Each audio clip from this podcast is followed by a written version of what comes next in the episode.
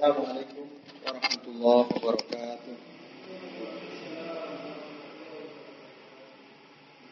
Alhamdulillah, alhamdulillah hamdan katsiran tayyiban mubarakan fi mubarakan alaihi kama yuhibbu rabbuna wa yarda. Asyhadu an la ilaha illallah wahdahu la syarikalah wa asyhadu anna Muhammadan abduhu wa rasuluh. Allahumma salli wa sallim wa barik ala Muhammad wa ala ali Muhammad kama sallaita wa barakta ala Ibrahim wa ala ali Ibrahim fil alamin innaka Hamidum Majid. Amma ba'du. Bapak-bapak dan ikhwas sekalian, rahimani wa rahimakumullah. Alhamdulillah pada malam hari ini kita bisa berjumpa kembali untuk melanjutkan ngaji kitab Hilyatul Talibil Ilm. Pada pertemuan pekan lalu kita sudah membahas sampai halaman 65 ya. 65 paragraf pertama. Sekarang kita akan lanjut paragraf berikutnya yaitu bab 28 menjaga ilmu dengan perhatian. Itu ya. Nah, hifzu ar-riayah atau riayatil ilm. Qala Syekh Bakar bin Abdullah bin Abi Zaid ya berkata Syekh Bakar Ubzuli al-wus'a fi hifdzil ilm hifdzu riayatin. Ya, berusaha sungguh-sungguh untuk menjaga ilmu dengan penjagaan perhatian. Jadi hifzu riayah menjaga ilmu dalam arti riayah adalah menjaganya bil amali wal ittiba dengan cara mengamalkan dan mengikuti ilmu. Jadi di antara adab seorang pencari ilmu dalam kehidupan ilmiahnya adalah dia menjaga ilmu dengan amal. Jadi yang maksud menjaga dengan perhatian itu ya ini hifzu riayah bil amal wal ittiba menjaga ilmu dengan cara apa? Diamalkan dan diikuti. Nah, itu. Ini adab ya. Jadi seorang tolib pencari ilmu, kalau dia udah dapat ilmu, harusnya dia amalkan. Harusnya dia ikuti ilmu itu. Jadi kalau kita dapat ilmu nggak diamalkan, itu kata para ulama Al ilmu bila amalin kasyajari bila samari. Ilmu tanpa amal bagikan pohon tanpa tanpa buah. Jadi ilmu itu untuk diamalkan. Nah ini. Dan untuk diikuti itu saja. Qala al-Khatib al-Baghdadi rahimahullah. Al-Khatib al-Baghdadi seorang ulama ini ya. Beliau berkata, yajibu ala talibil hadis an yukhlisa niyyatahu fi talabihi wa yakuna qasduhu wajhallahi subhanahu wa ta'ala. Jadi wajib bagi pelajar yang mencari ilmu hadis untuk mengikhlaskan niatnya lillahi ta'ala. Niat dalam menuntut ilmu itu ikhlas lillahi ta'ala untuk mencari ridho Allah subhanahu wa ta'ala. Jadi yang dituju adalah ridho Allah. Wa yakuna qasduhu wajhallahi subhanahu wa ta'ala. Wal yahdar an yaj'alahu sabilan ila nailil a'rad. Dan hendaklah dia berhati-hati. Jangan sampai menjadikan ilmu itu sebagai jalan untuk meraih berbagai ambisi. Ya ayaj'alahu sabilan ila nailil a'rad wa tariqan ila akhdil a'wad dan hati-hati jangan sampai dia mencari ilmu itu dia gunakan sebagai jalan untuk memperoleh kompensasi. Gitu. Jadi dia belajar ilmu supaya saya dapat ini dan itu dan seterusnya. Supaya saya dapat diangkat jadi pemimpin. Supaya saya dapat jabatan. Supaya saya, dapat gaji besar seterusnya lah misalnya. Itu jangan sampai seperti itu ya supaya dihati-hati. Faqad ja'al wa'idu liman ibtagha zalika bi ilmihi. Jadi telah ada riwayat yang mengancam siapa saja orang yang mencari ilmu tujuannya adalah untuk tadi popularitas, jabatan, kepemimpinan, kompensasi dunia lah. Itu ada dalil yang menegaskan tentang ancaman bagi orang yang seperti itu. Nah, mana disebutkan dalam hadis riwayat Ka'ab bin Malik radhiyallahu anhu. Dari bapaknya, kalau dia mengatakan, Sami itu Rasulullah Shallallahu Alaihi Wasallam. Ini saya menyebutkan dalilnya ya, dalil ancaman ini. Rasulullah SAW bersabda, Man tolabal ilma liyujari bihil ulama. Ya, barang siapa yang mencari ilmu, tujuannya adalah untuk mendebat para ulama. Ya, liubahi bihi sufaha, liubahi bihi asufaha. Untuk merendahkan, berbangga-bangga di hadapan orang-orang awam, orang bodoh. Au yusarrifa bihi wujuhan nas ilaihi atau dia mencari ilmu tujuannya supaya orang cenderung kepadanya. Supaya orang ngikutin dia. Supaya dia punya pengikut. Tujuannya itu supaya ada pengikut dia. Maka apa kata Nabi? Adkhalahullahu an-nar. Allah akan memasukkan orang tersebut ke dalam neraka. Jika tujuannya tadi Tujuannya untuk bersombong-sombong, berbangga-bangga di hadapan para ulama, membantah ulama, atau untuk merendahkan orang-orang awam, orang bodoh gitu. Atau supaya dia punya pengikut untuk orang berpaling kepada dia. Maka orang yang begini ini ancamannya Allah akan memasukkan dia ke dalam neraka. Nah ini ya Bapak-bapak dan ikhwas kalian, Allah. Jadi ancaman ini sangat mengerikan ya, bagi orang yang mencari ilmu tapi tidak benar niatnya. Dan orang yang begitu itu kemungkinan besar dia tidak akan jadi amal ilmunya. Tidak akan jadi amal. Tidak untuk dalam rangka menjaga syariat ya. Tidak untuk menghilangkan kebodohan dari dirinya dan dari orang lain. Karena apa? Tujuannya dunia tadi tujuannya dunia. Bapak-bapak dan ikhlas sekalian, azan ya Allah wa. Tapi bagaimana dengan orang yang kuliah? Dia tujuannya untuk mendapatkan ijazah. Apakah orang yang kuliah untuk dapat ijazah juga termasuk yang diancam oleh Nabi dalam hadis ini tadi? Hadis riwayat Imam At-Tirmidzi tadi ya. Yang Rasul mengatakan man talabal ilma liyujari bihil ulama waliyubahi bihi sufaha waliyusarrifa wujuhan ilaihi adkhalahullahu an-nar. Apakah orang yang kuliah tujuannya ingin mendapatkan ijazah? Apa di sini ilmu ilmu syara ya. Bukan ilmu dunia. Ini ilmu agama. Belajar hadis, belajar tafsir, belajar fikih kayak gitu. Dia kuliah di syariah, kuliah di Fakultas Usuluddin, kuliah di jurusan ilmu Al-Quran atau di ilmu hadis gitu. Karena itu fakultas-fakultas ilmu syariat. Tujuan dapat ijazah. Itu termasuk diancam atau tidak? Nah.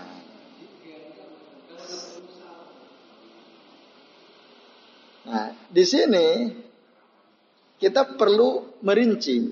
Ya, merinci. Kalau semata-mata yang dia ingin dapatkan adalah ijazah, lalu dia dapat pujian dari orang, oh dia lulusan mahasiswa ilmu hadis, ilmu tafsir, ingin dapat pujian, akhirnya dia berusaha untuk dapat ijazah, bahkan mungkin dengan cara yang batil, ya kan? Ada nggak orang dalam rangka untuk dapat ijazah dia melakukan segala macam cara yang penting dapat ijazah? Ada. Kalau ini yang terjadi, maka itu termasuk diancam. Ini stuk batilan. Tapi kalau dia kuliah di ilmu-ilmu syariat, ya, betul ijazah salah satu yang dia akan dia ingin dapatkan. Ya, ijazah.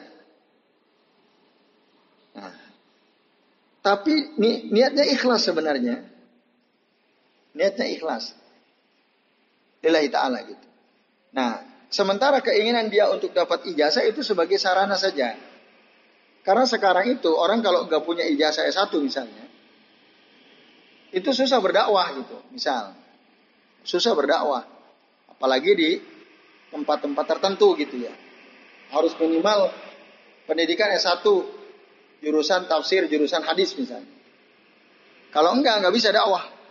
Meskipun dia bisa, udah teruji, tapi karena dia nggak punya ijazah, nggak bisa. Akhirnya dia kuliah untuk dapat ijazah itu. Nah, niatnya supaya dia bisa berdakwah di medan-medan dakwah dan tidak ada yang menghalangi dia untuk berdakwah. Jadi ijazah hanya sebagai sarana saja supaya dia bisa berdakwah di mana-mana. Nah, maka yang begini ini kata saya Muhammad bin Salih Utsaimin nah, boleh kayak yang begini ini. Ya. Itu tidak ada masalah. Karena tujuan dia mendapatkan ijazah bukan tujuan pokok. Tujuan pokoknya dakwah. Itu hanya sebagai sarana supaya dia bisa diterima dakwahnya di masyarakat. Itu. Model yang begini ini silahkan. Maka misal ada orang bilang ana uridu an anala syahadata la tumkinu minat tadris fil kulliyati masalan. Saya ingin mendapatkan ijazah yang tanpa ijazah saya nggak mungkin bisa mengajar. Harus ijazah. Nah, kalau saya nggak punya ijazah, ada rostu, aku nggak bisa ngajar kata dia. Atau saya ingin punya ijazah saya bisa jadi dai tadi. Karena sekarang orang tidak bisa jadi dai kecuali dengan ijazah misalnya. Maka nah, kanat hadihi niatul insan fahiya niatul hasanah. Kalau begitu niatnya ini niat yang baik termasuk. La tadurru insyaallah hadza fil ilmi syar'i. Insyaallah nggak masalah. Jadi antum kita kuliah di jurusan agama. Jurusan tadi tafsir, jurusan hadis, jurusan fikih, jurusan makosidus syariat khususnya. Dapat ijazah, tapi itu hanya cara supaya dia bisa terima aja. Itu gak ada masalah. Bahkan ini kebaikan, ini kebaikan. Ini khusus dalam ilmu syar syar'i. Jadi jangan sampai dalam ilmu syar'i tujuannya adalah dunia itu jangan. Karena itu nanti masuk kategori apa sih? Sirik tuh. Ya, yang dia cari dunia kan harusnya kan wajah Allah ya, keridhaan Allah Subhanahu wa taala. Tapi kalau dalam urusan ilmu dunia, misal saya kuliah untuk dapat ijazah arsitektur misalnya, dapat ijazah uh, insinyur gitu ya, ahli dunia. Kenapa? agar saya dapat gaji per bulan 20 juta. Misalnya. Maka saya ingin kuliah di jurusan teknik arsitek misalnya. Ada teknik arsitek ya, ada ya. Atau insinyur, teknik sipil lah. Karena dia ngelihat para senior itu yang kerja di bidang itu gajinya besar-besar gitu. Minimal katakan 12 juta per bulan. Ah, saya ingin dapat itu. Ilmu arsitektur ya, teknik arsitek, teknik sipil. Kayak gitu itu boleh atau tidak? Boleh. Dalam urusan dunia boleh. Seperti orang jualan, saya jualan. Ngapain jualan? Ya biar dapat untung. Dunia kan? Ya, dia ingin dapat untung. Ya silakan, nggak ada masalah. Tapi kalau dia belajar ilmu agama, itu yang nggak boleh tujuan dia du ya. Itu bedanya antara ilmu agama dengan ilmu dunia. Jadi saya kira jelas ya.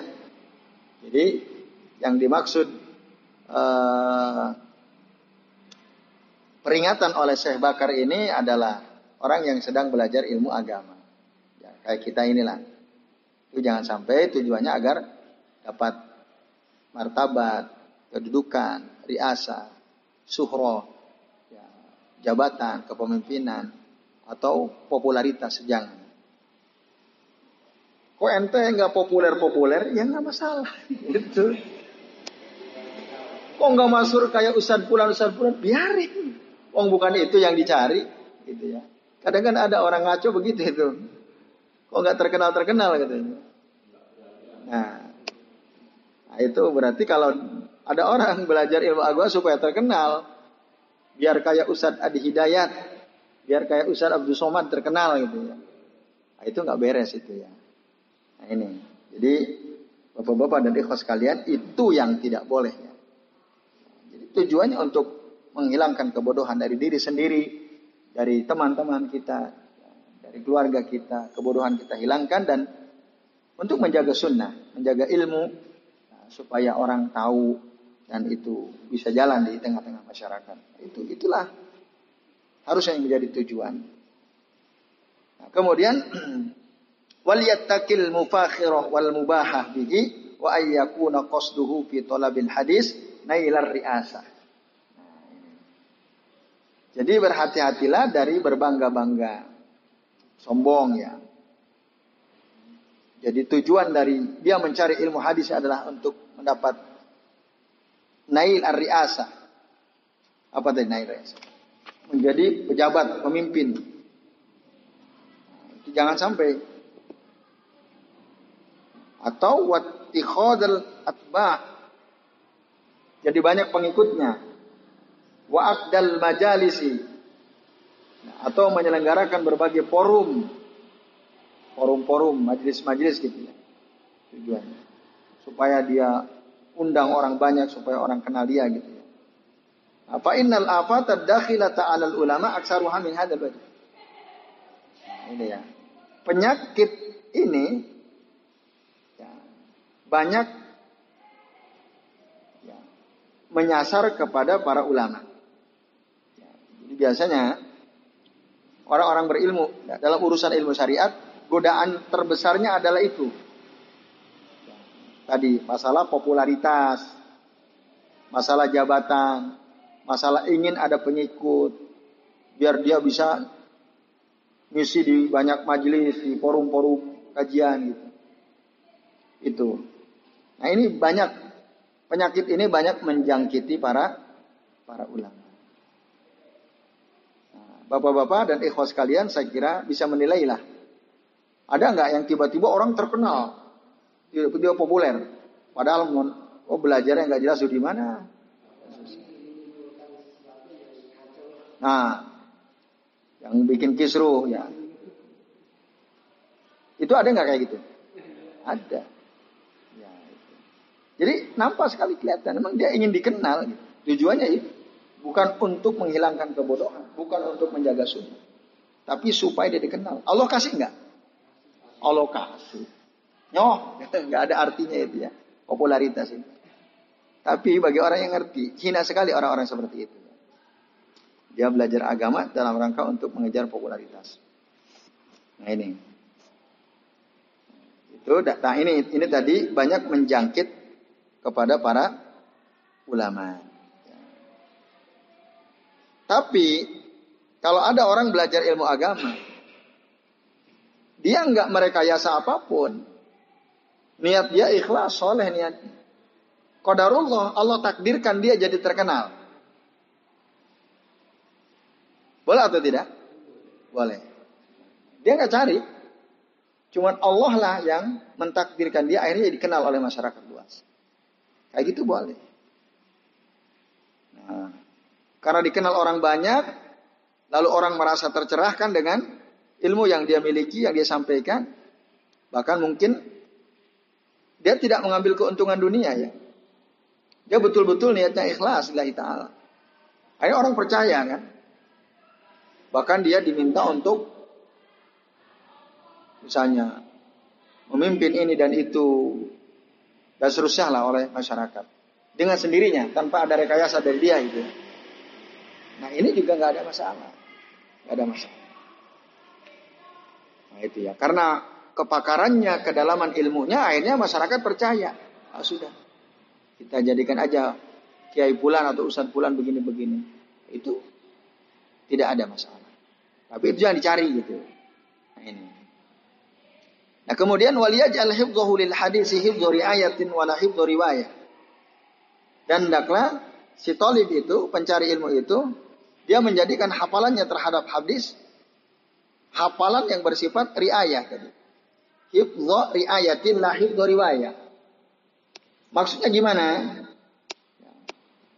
Beda apa? Apa bedanya hifdhu riayah dengan hifdhu riwayat. Kalau hifdzu riwayat, dia menjaga hadis-hadis yang dia dapat. Ayat-ayat Al-Quran yang dia dapat. Tapi hanya dalam rangka untuk sekedar dia bisa menghafal. Ada banyak nggak sekarang santri menghafal Quran? Tujuannya ya hanya semata-mata ingin menghafal itu saja. Nah itu ya. Maka betul hafal.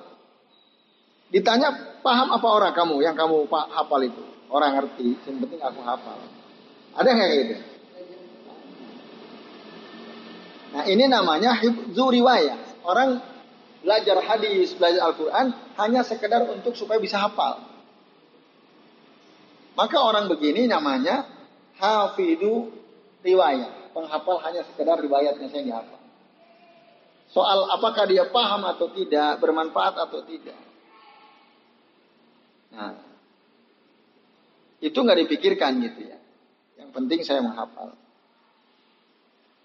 Nah ini ya orang yang seperti ini Berarti dia hanya menjaga ilmu dengan penjagaan riwayat. Hifzu riwayat. Jelas ya?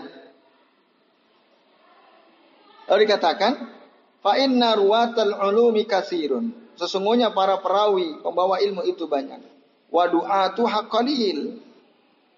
Tapi yang menyeru supaya orang menjalankan ilmu itu sedikit. Kalau para perawi, para penghafal hadis, para penghafal Quran, kala itu ya gampang. Ya. Itu. Maka yang susah itu adalah mendakwahkan ilmu, mempraktekkan ilmu, mendakwahkan ilmu. Itu bapak-bapak dan sekalian.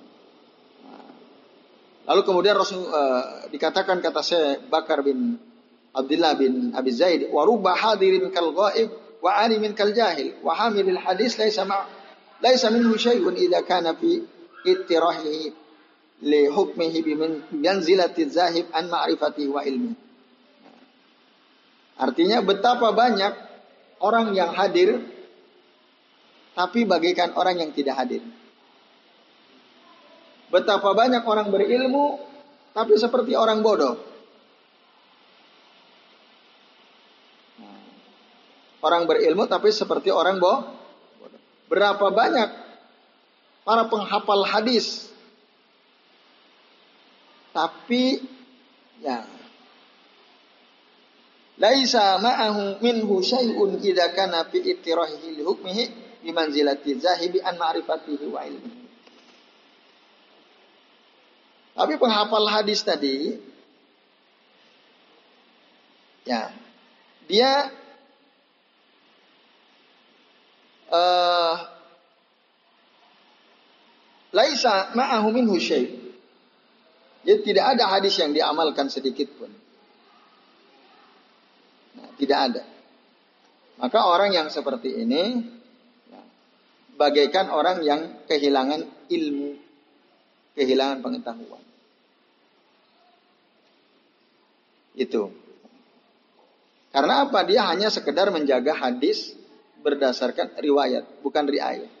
Riayat itu tadi mengamalkan, mengikuti, menyebarkan. Itu namanya hibzu riayat. Jelas ya Bapak-bapak dan ikhlas sekalian? Nah, dan memang ini sudah dari dulu Rasul menjelaskan. Jadi disebutkan dalam satu hadis yang sahih perumpamaan orang-orang yang menuntut ilmu itu ada tiga.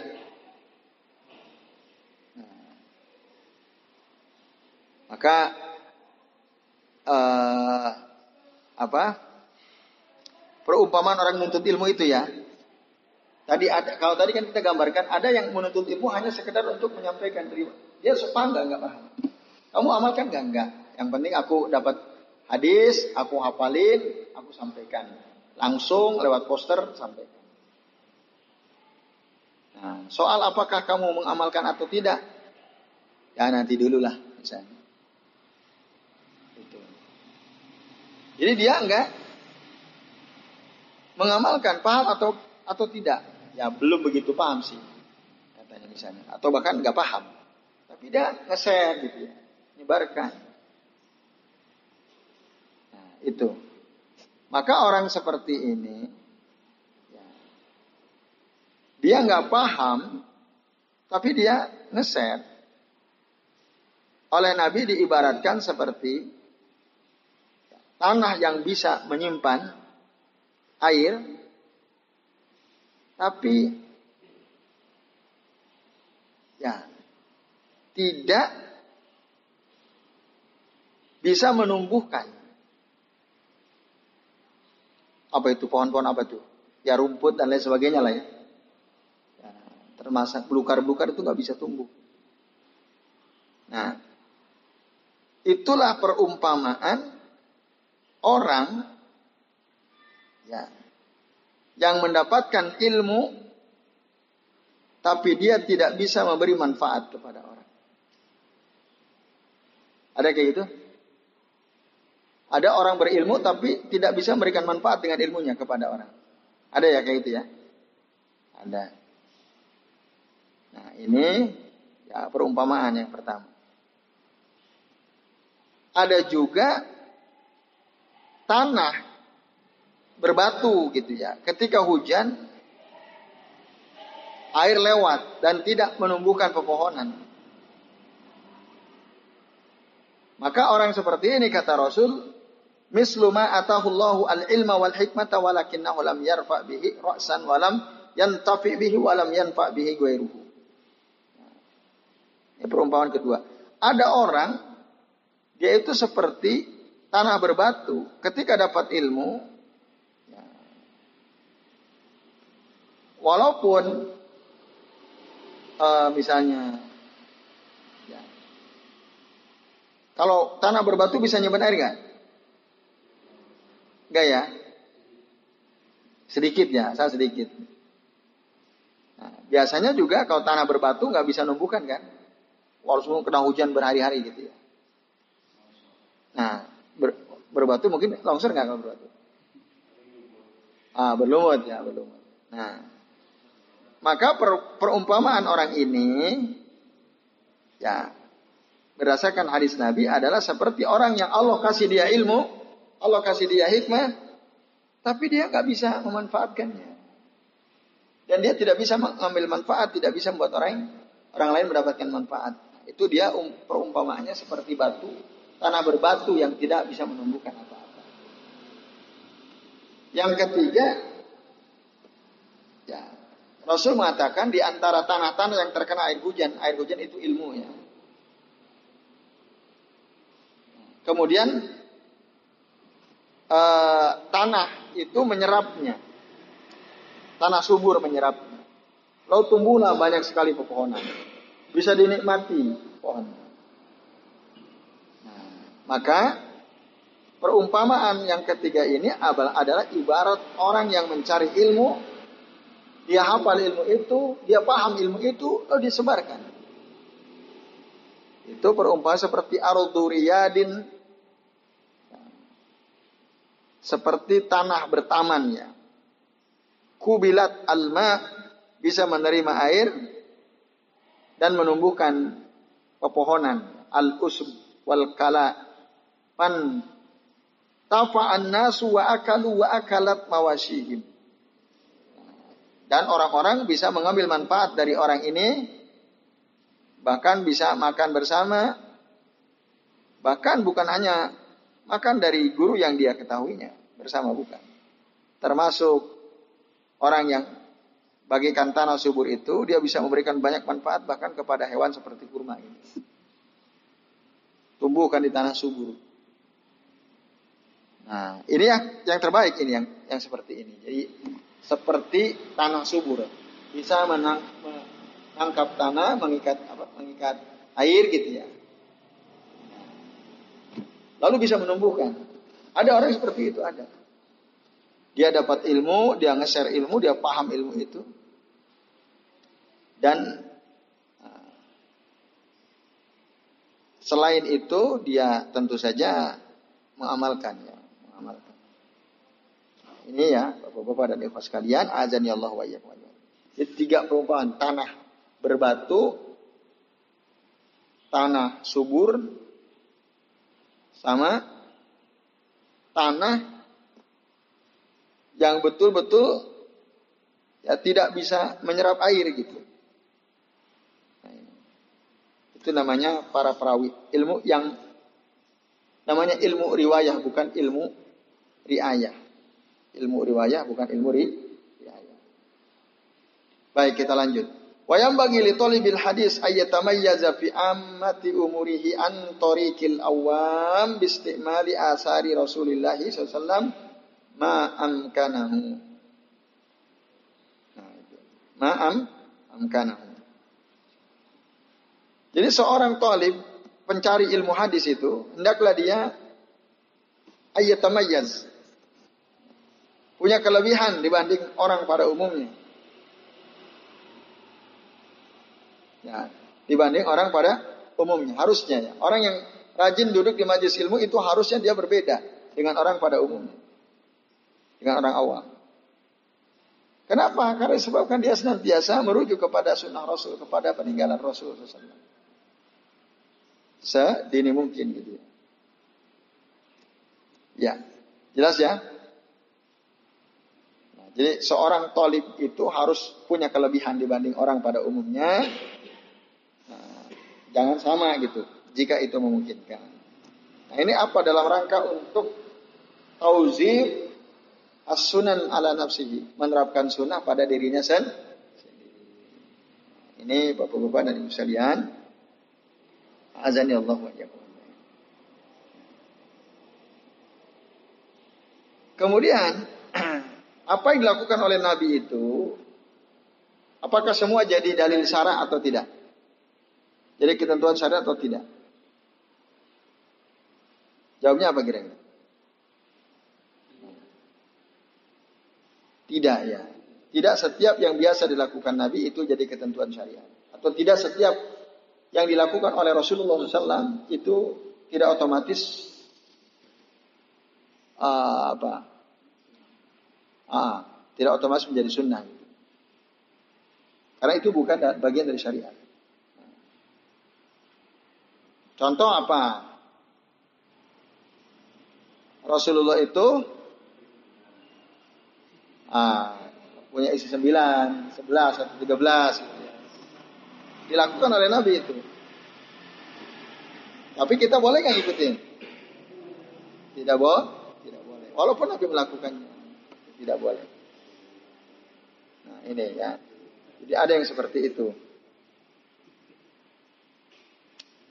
Nah ini. Ada juga Nabi melakukan sesuatu itu tidak Nabi tidak bertujuan secara sengaja gitu melakukan sesuatu di tempat tertentu, tidak. Misal ya, contoh saja seandainya ada gitu ya. Ada seorang kalau dulu Nabi ya, Nabi kita tarik ke zaman sekarang lah, seorang ulama gitu ya. Ulama ini sangat hati-hati ulama ini sangat nyunnah gitu ya. Apa-apa harus sesuai dengan sunnah. Nah, Bapak-bapak dan ikhwas sekalian, azani Allah wa iyyakum ajma'in misalnya ya. Uh, lalu katakanlah si ulama ini guru kita.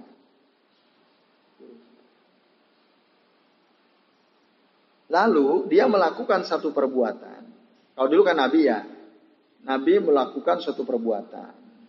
Katakanlah waktu Nabi haji dari Madinah ke Makkah. Nabi pernah suatu saat di suatu tempat turun. Turunnya Nabi itu apa? Dalam rangka untuk ya dalam tadi apa? Nah, si Rasul misalnya ya, turun dari untanya di suatu tempat dalam perjalanan safar untuk haji karena Rasul misalnya mau pipis gitu. Mau pipis. Di satu tempat, katakanlah di mana ya? Uh, ada abwa gitu ya, dari abwa misalnya. Turun situ.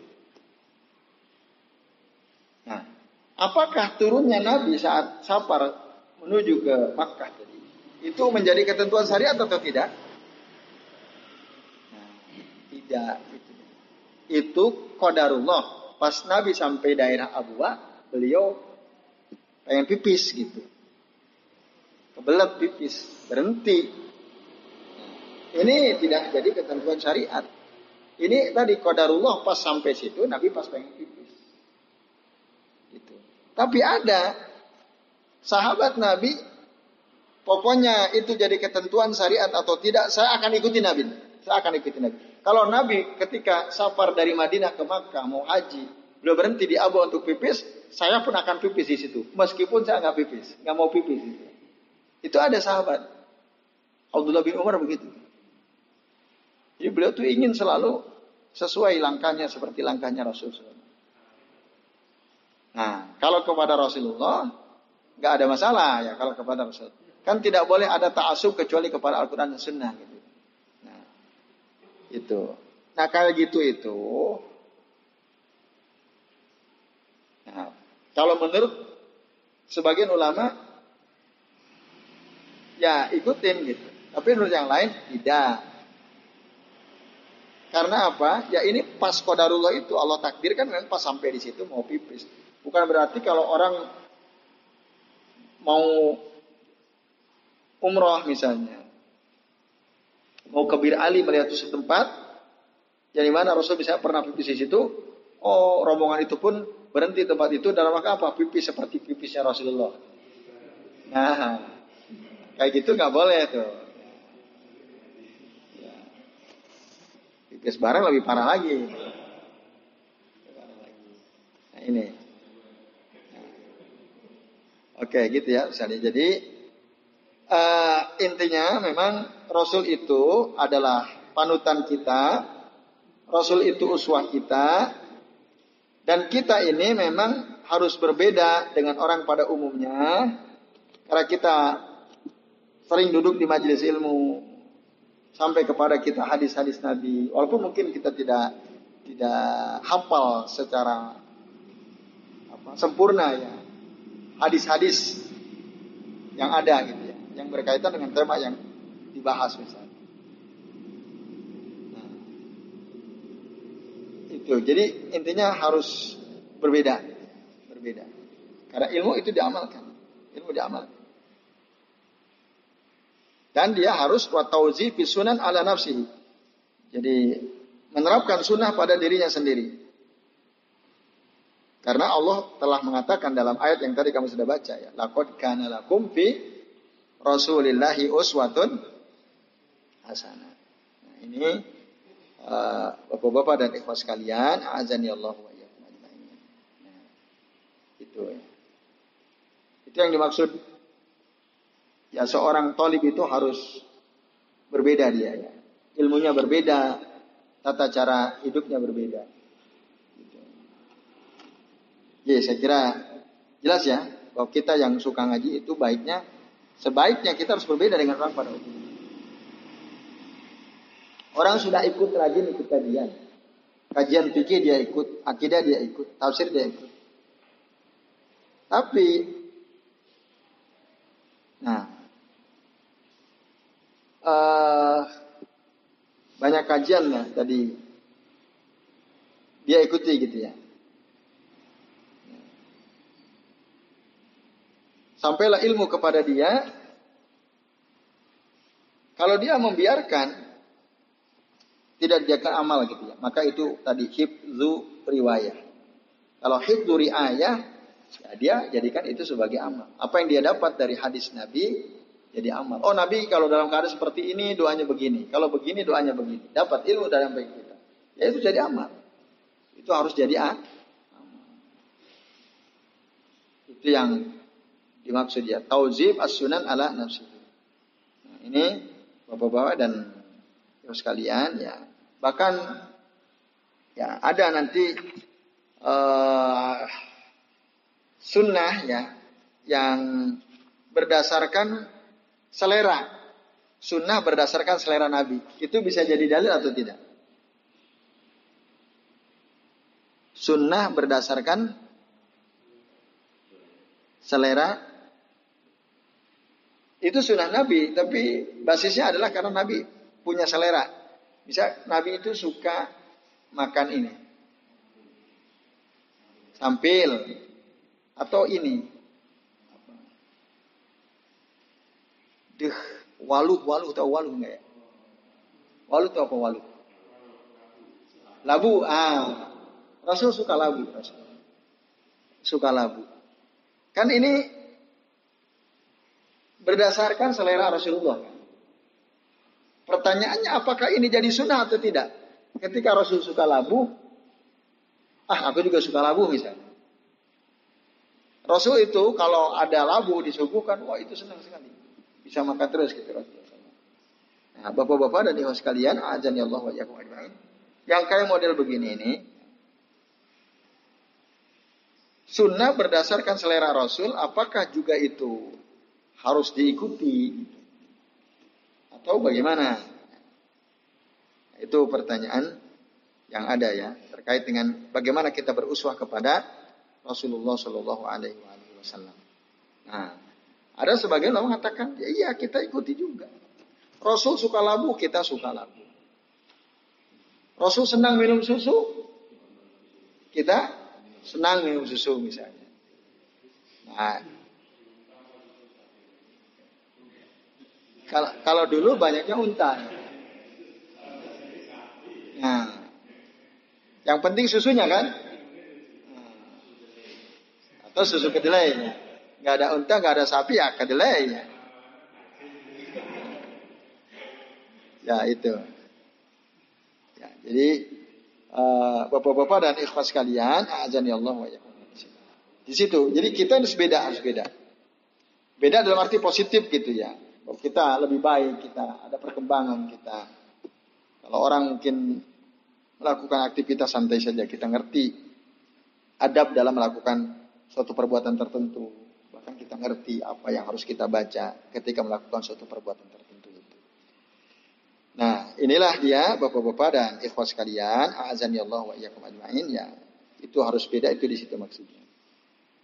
Juga mengikuti asar tinggalan-tinggalan uh, Rasulullah SAW ya. Itu. Artinya yang dimaksud asar di sini kalau kita baca teks Arabnya kan asar itu artinya adalah ya, uh, tadi apa yang ditinggalkan oleh Nabi SAW, apa yang pernah dilakukan oleh Nabi Shallallahu Alaihi Wasallam. Bahkan termasuk dalam hal yang syahid tadi, ya, kalau kita mau ikut ya ikut. Asal caranya benar gitu. Jangan sampai setiap kali ada apa tadi? Waluh itu apa tadi? Labuh, ya labuh. Nah itu selalu kita makan itu ketika sudah azan gitu ya. Kita mintanya nanti saat azan. Saat azan untuk sholat fardu lima waktu gitu ya. Akhirnya dia selalu nggak sholat jamaah. Karena apa? Karena saya suka makan makanan yang disukai oleh Rasul SAW. Nah, itu. Nah, ini nggak benar gitu ya. Yang kayak gini ini nggak benar bapak-bapak dan ikhlas sekalian. Azan ya Allah ya J. Itu. Jadi yang maksud ikuti asar Rasul ya Sallallahu Alaihi Wasallam itu apa yang diajarkan oleh Rasul Sallallahu Alaihi Wasallam. Itu maksudnya bapak-bapak dan ya dan ikhwas sekalian ya, azani Allah wa ajmain. Dan yang terakhir tadi kalau kita selalu berusaha terikat dengan asar atau peninggalan Rasul atau dengan sunnah-sunnah Rasul, maka Allah akan mencintai kita. Dalam Al-Quran kan jelas, Kul katakan wahai Muhammad. Nah, gimana? Uh, gimana tuh hadisnya? Ayatnya? Qul kul in kuntum tuhibbunallaha fattabi'uni yuhbib kumullah misalnya. Fattabi'uni yuhibbukumullah. Ikutilah aku, Allah akan mencintai kalian. Itu ya, jadi kita menghidupkan asar sunnah Rasul SAW. Selain itu juga kita menerapkan ya beberapa apa apa yang kita dapat dari sunnah Rasul gitu ya. Kita biasakan, kita tauzib ya pada diri kita masing masing-masing. Gitu ya. Nah itu. Jadi itulah adab sebagai tolib ya. Dia dapat sunnah, dapat hadis Nabi dia terapkan. Tentu selama itu oh apa kita terapkan selama itu memungkinkan tentu saja.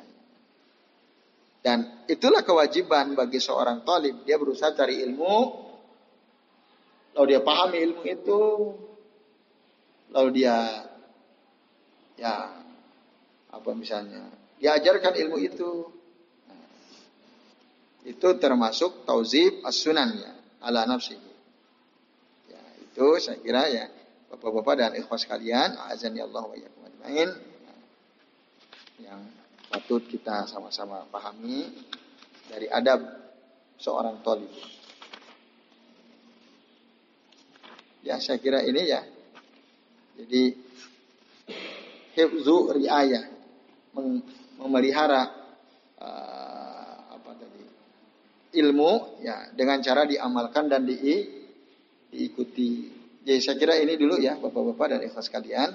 Azan ya Allah wa ajmain apa yang bisa kita bahas ya, di bab 20 berapa 8 tadi ya 28. J.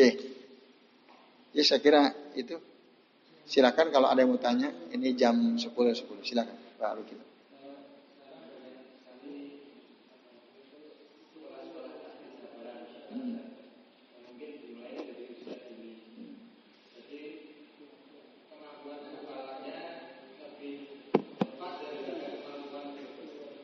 Pelajaran. Memahami.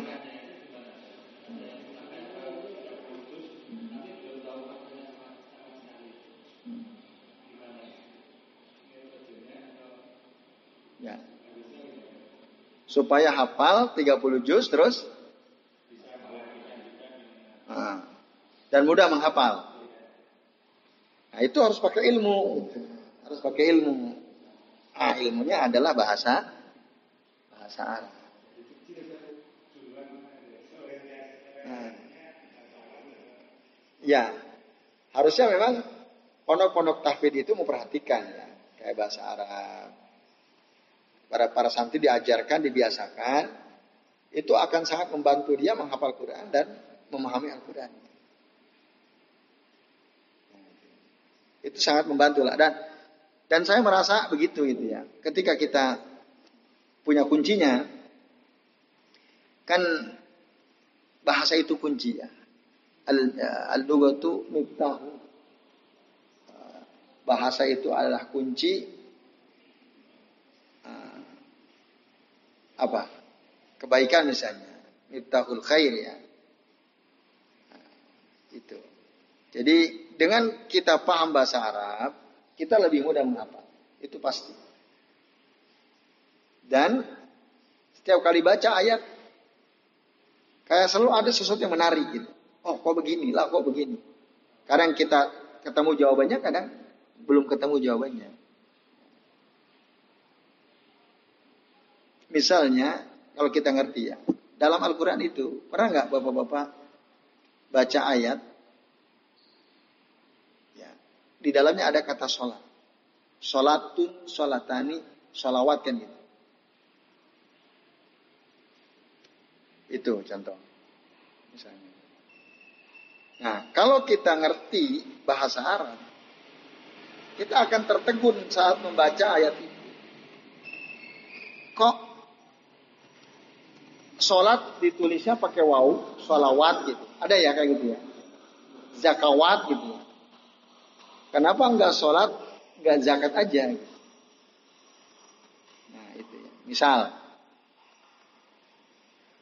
Nah, maka eh, tadi supaya bisa menghafal dengan baik itu berarti kita harus ngerti bahasa bahasa di mana Al-Qur'an itu diturunkan yaitu bahasa Arab. Itu. Nah, itu nanti akan terasa beda gitu rasanya kalau kita pas baca Quran kita ngerti. Seandainya misalnya nggak ada terjemahan, ada tafsirnya. Ada tafsirnya. Jadi pas ayat-ayat normal dia paham gitu. Tapi saat ketemu ayat yang uh, katakanlah tidak normal, tidak seperti biasanya maksudnya, tidak normal. Dia akan bertanya-tanya, oh ini gimana ya, ini gimana ya.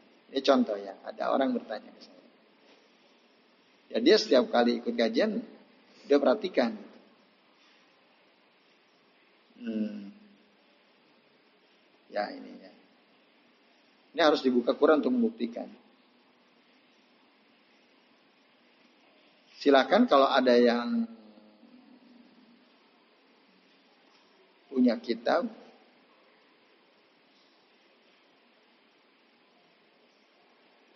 di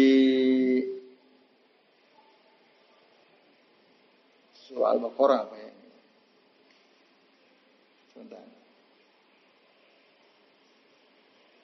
Faidan salafal ashur. Salafal ashur.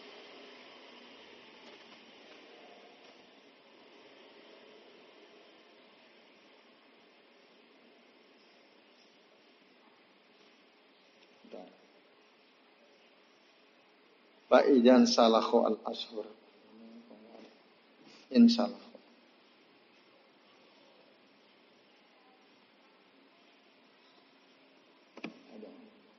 Eh, Insyaallah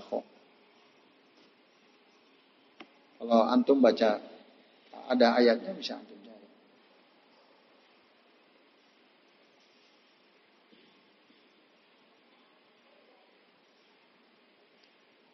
sholat wa Oh, ini kok beda ya? Nah, coba antum buka surah At-Taubah ayat 5 coba.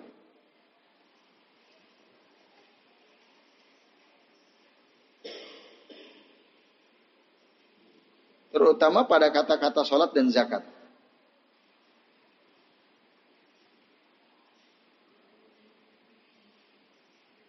Sudah ketemu surah berapa tadi? Ayat 5 surah At-Taubah.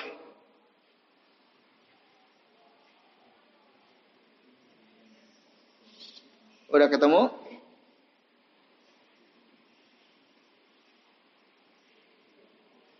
Perhatikan kata as-salah wa zakah. Ah.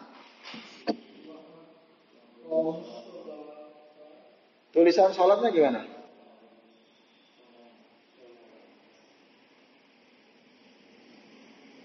Kata as dan zakat tulisannya gimana?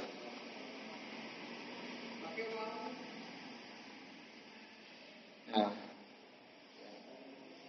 Ada wawunya? Kata zakat ada wawunya enggak? Ada.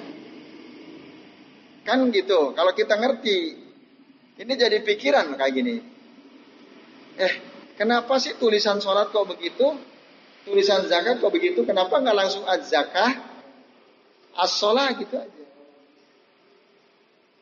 Nah ini ini kalau kita ngerti kan jadi bertanya-tanya gitu. Coba kalau kita ngerti bahasa Arab, baca kayak gini bablas, kelewat gitu. Saya lagi mencari-cari juga ini. Kenapa gitu. Tapi ada banyak juga kata sholat disebut apa? Tanpa wau. Bisa juga. Nah ada wau itu apa sebabnya kan gitu. Kalau kita ngerti bahasa Arab kira-kira pertanyaan itu muncul atau tidak? Tidak akan muncul.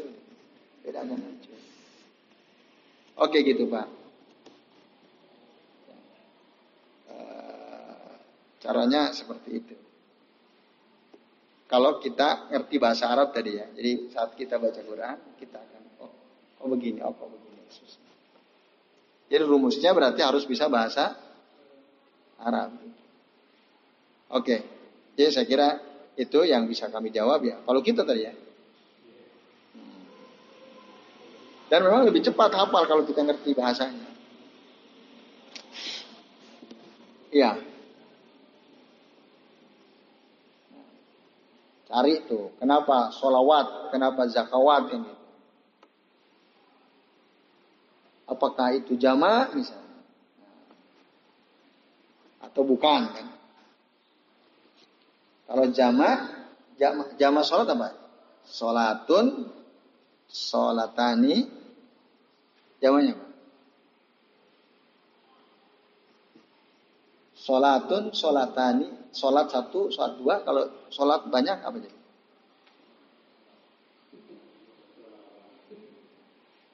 Nah, itu ya.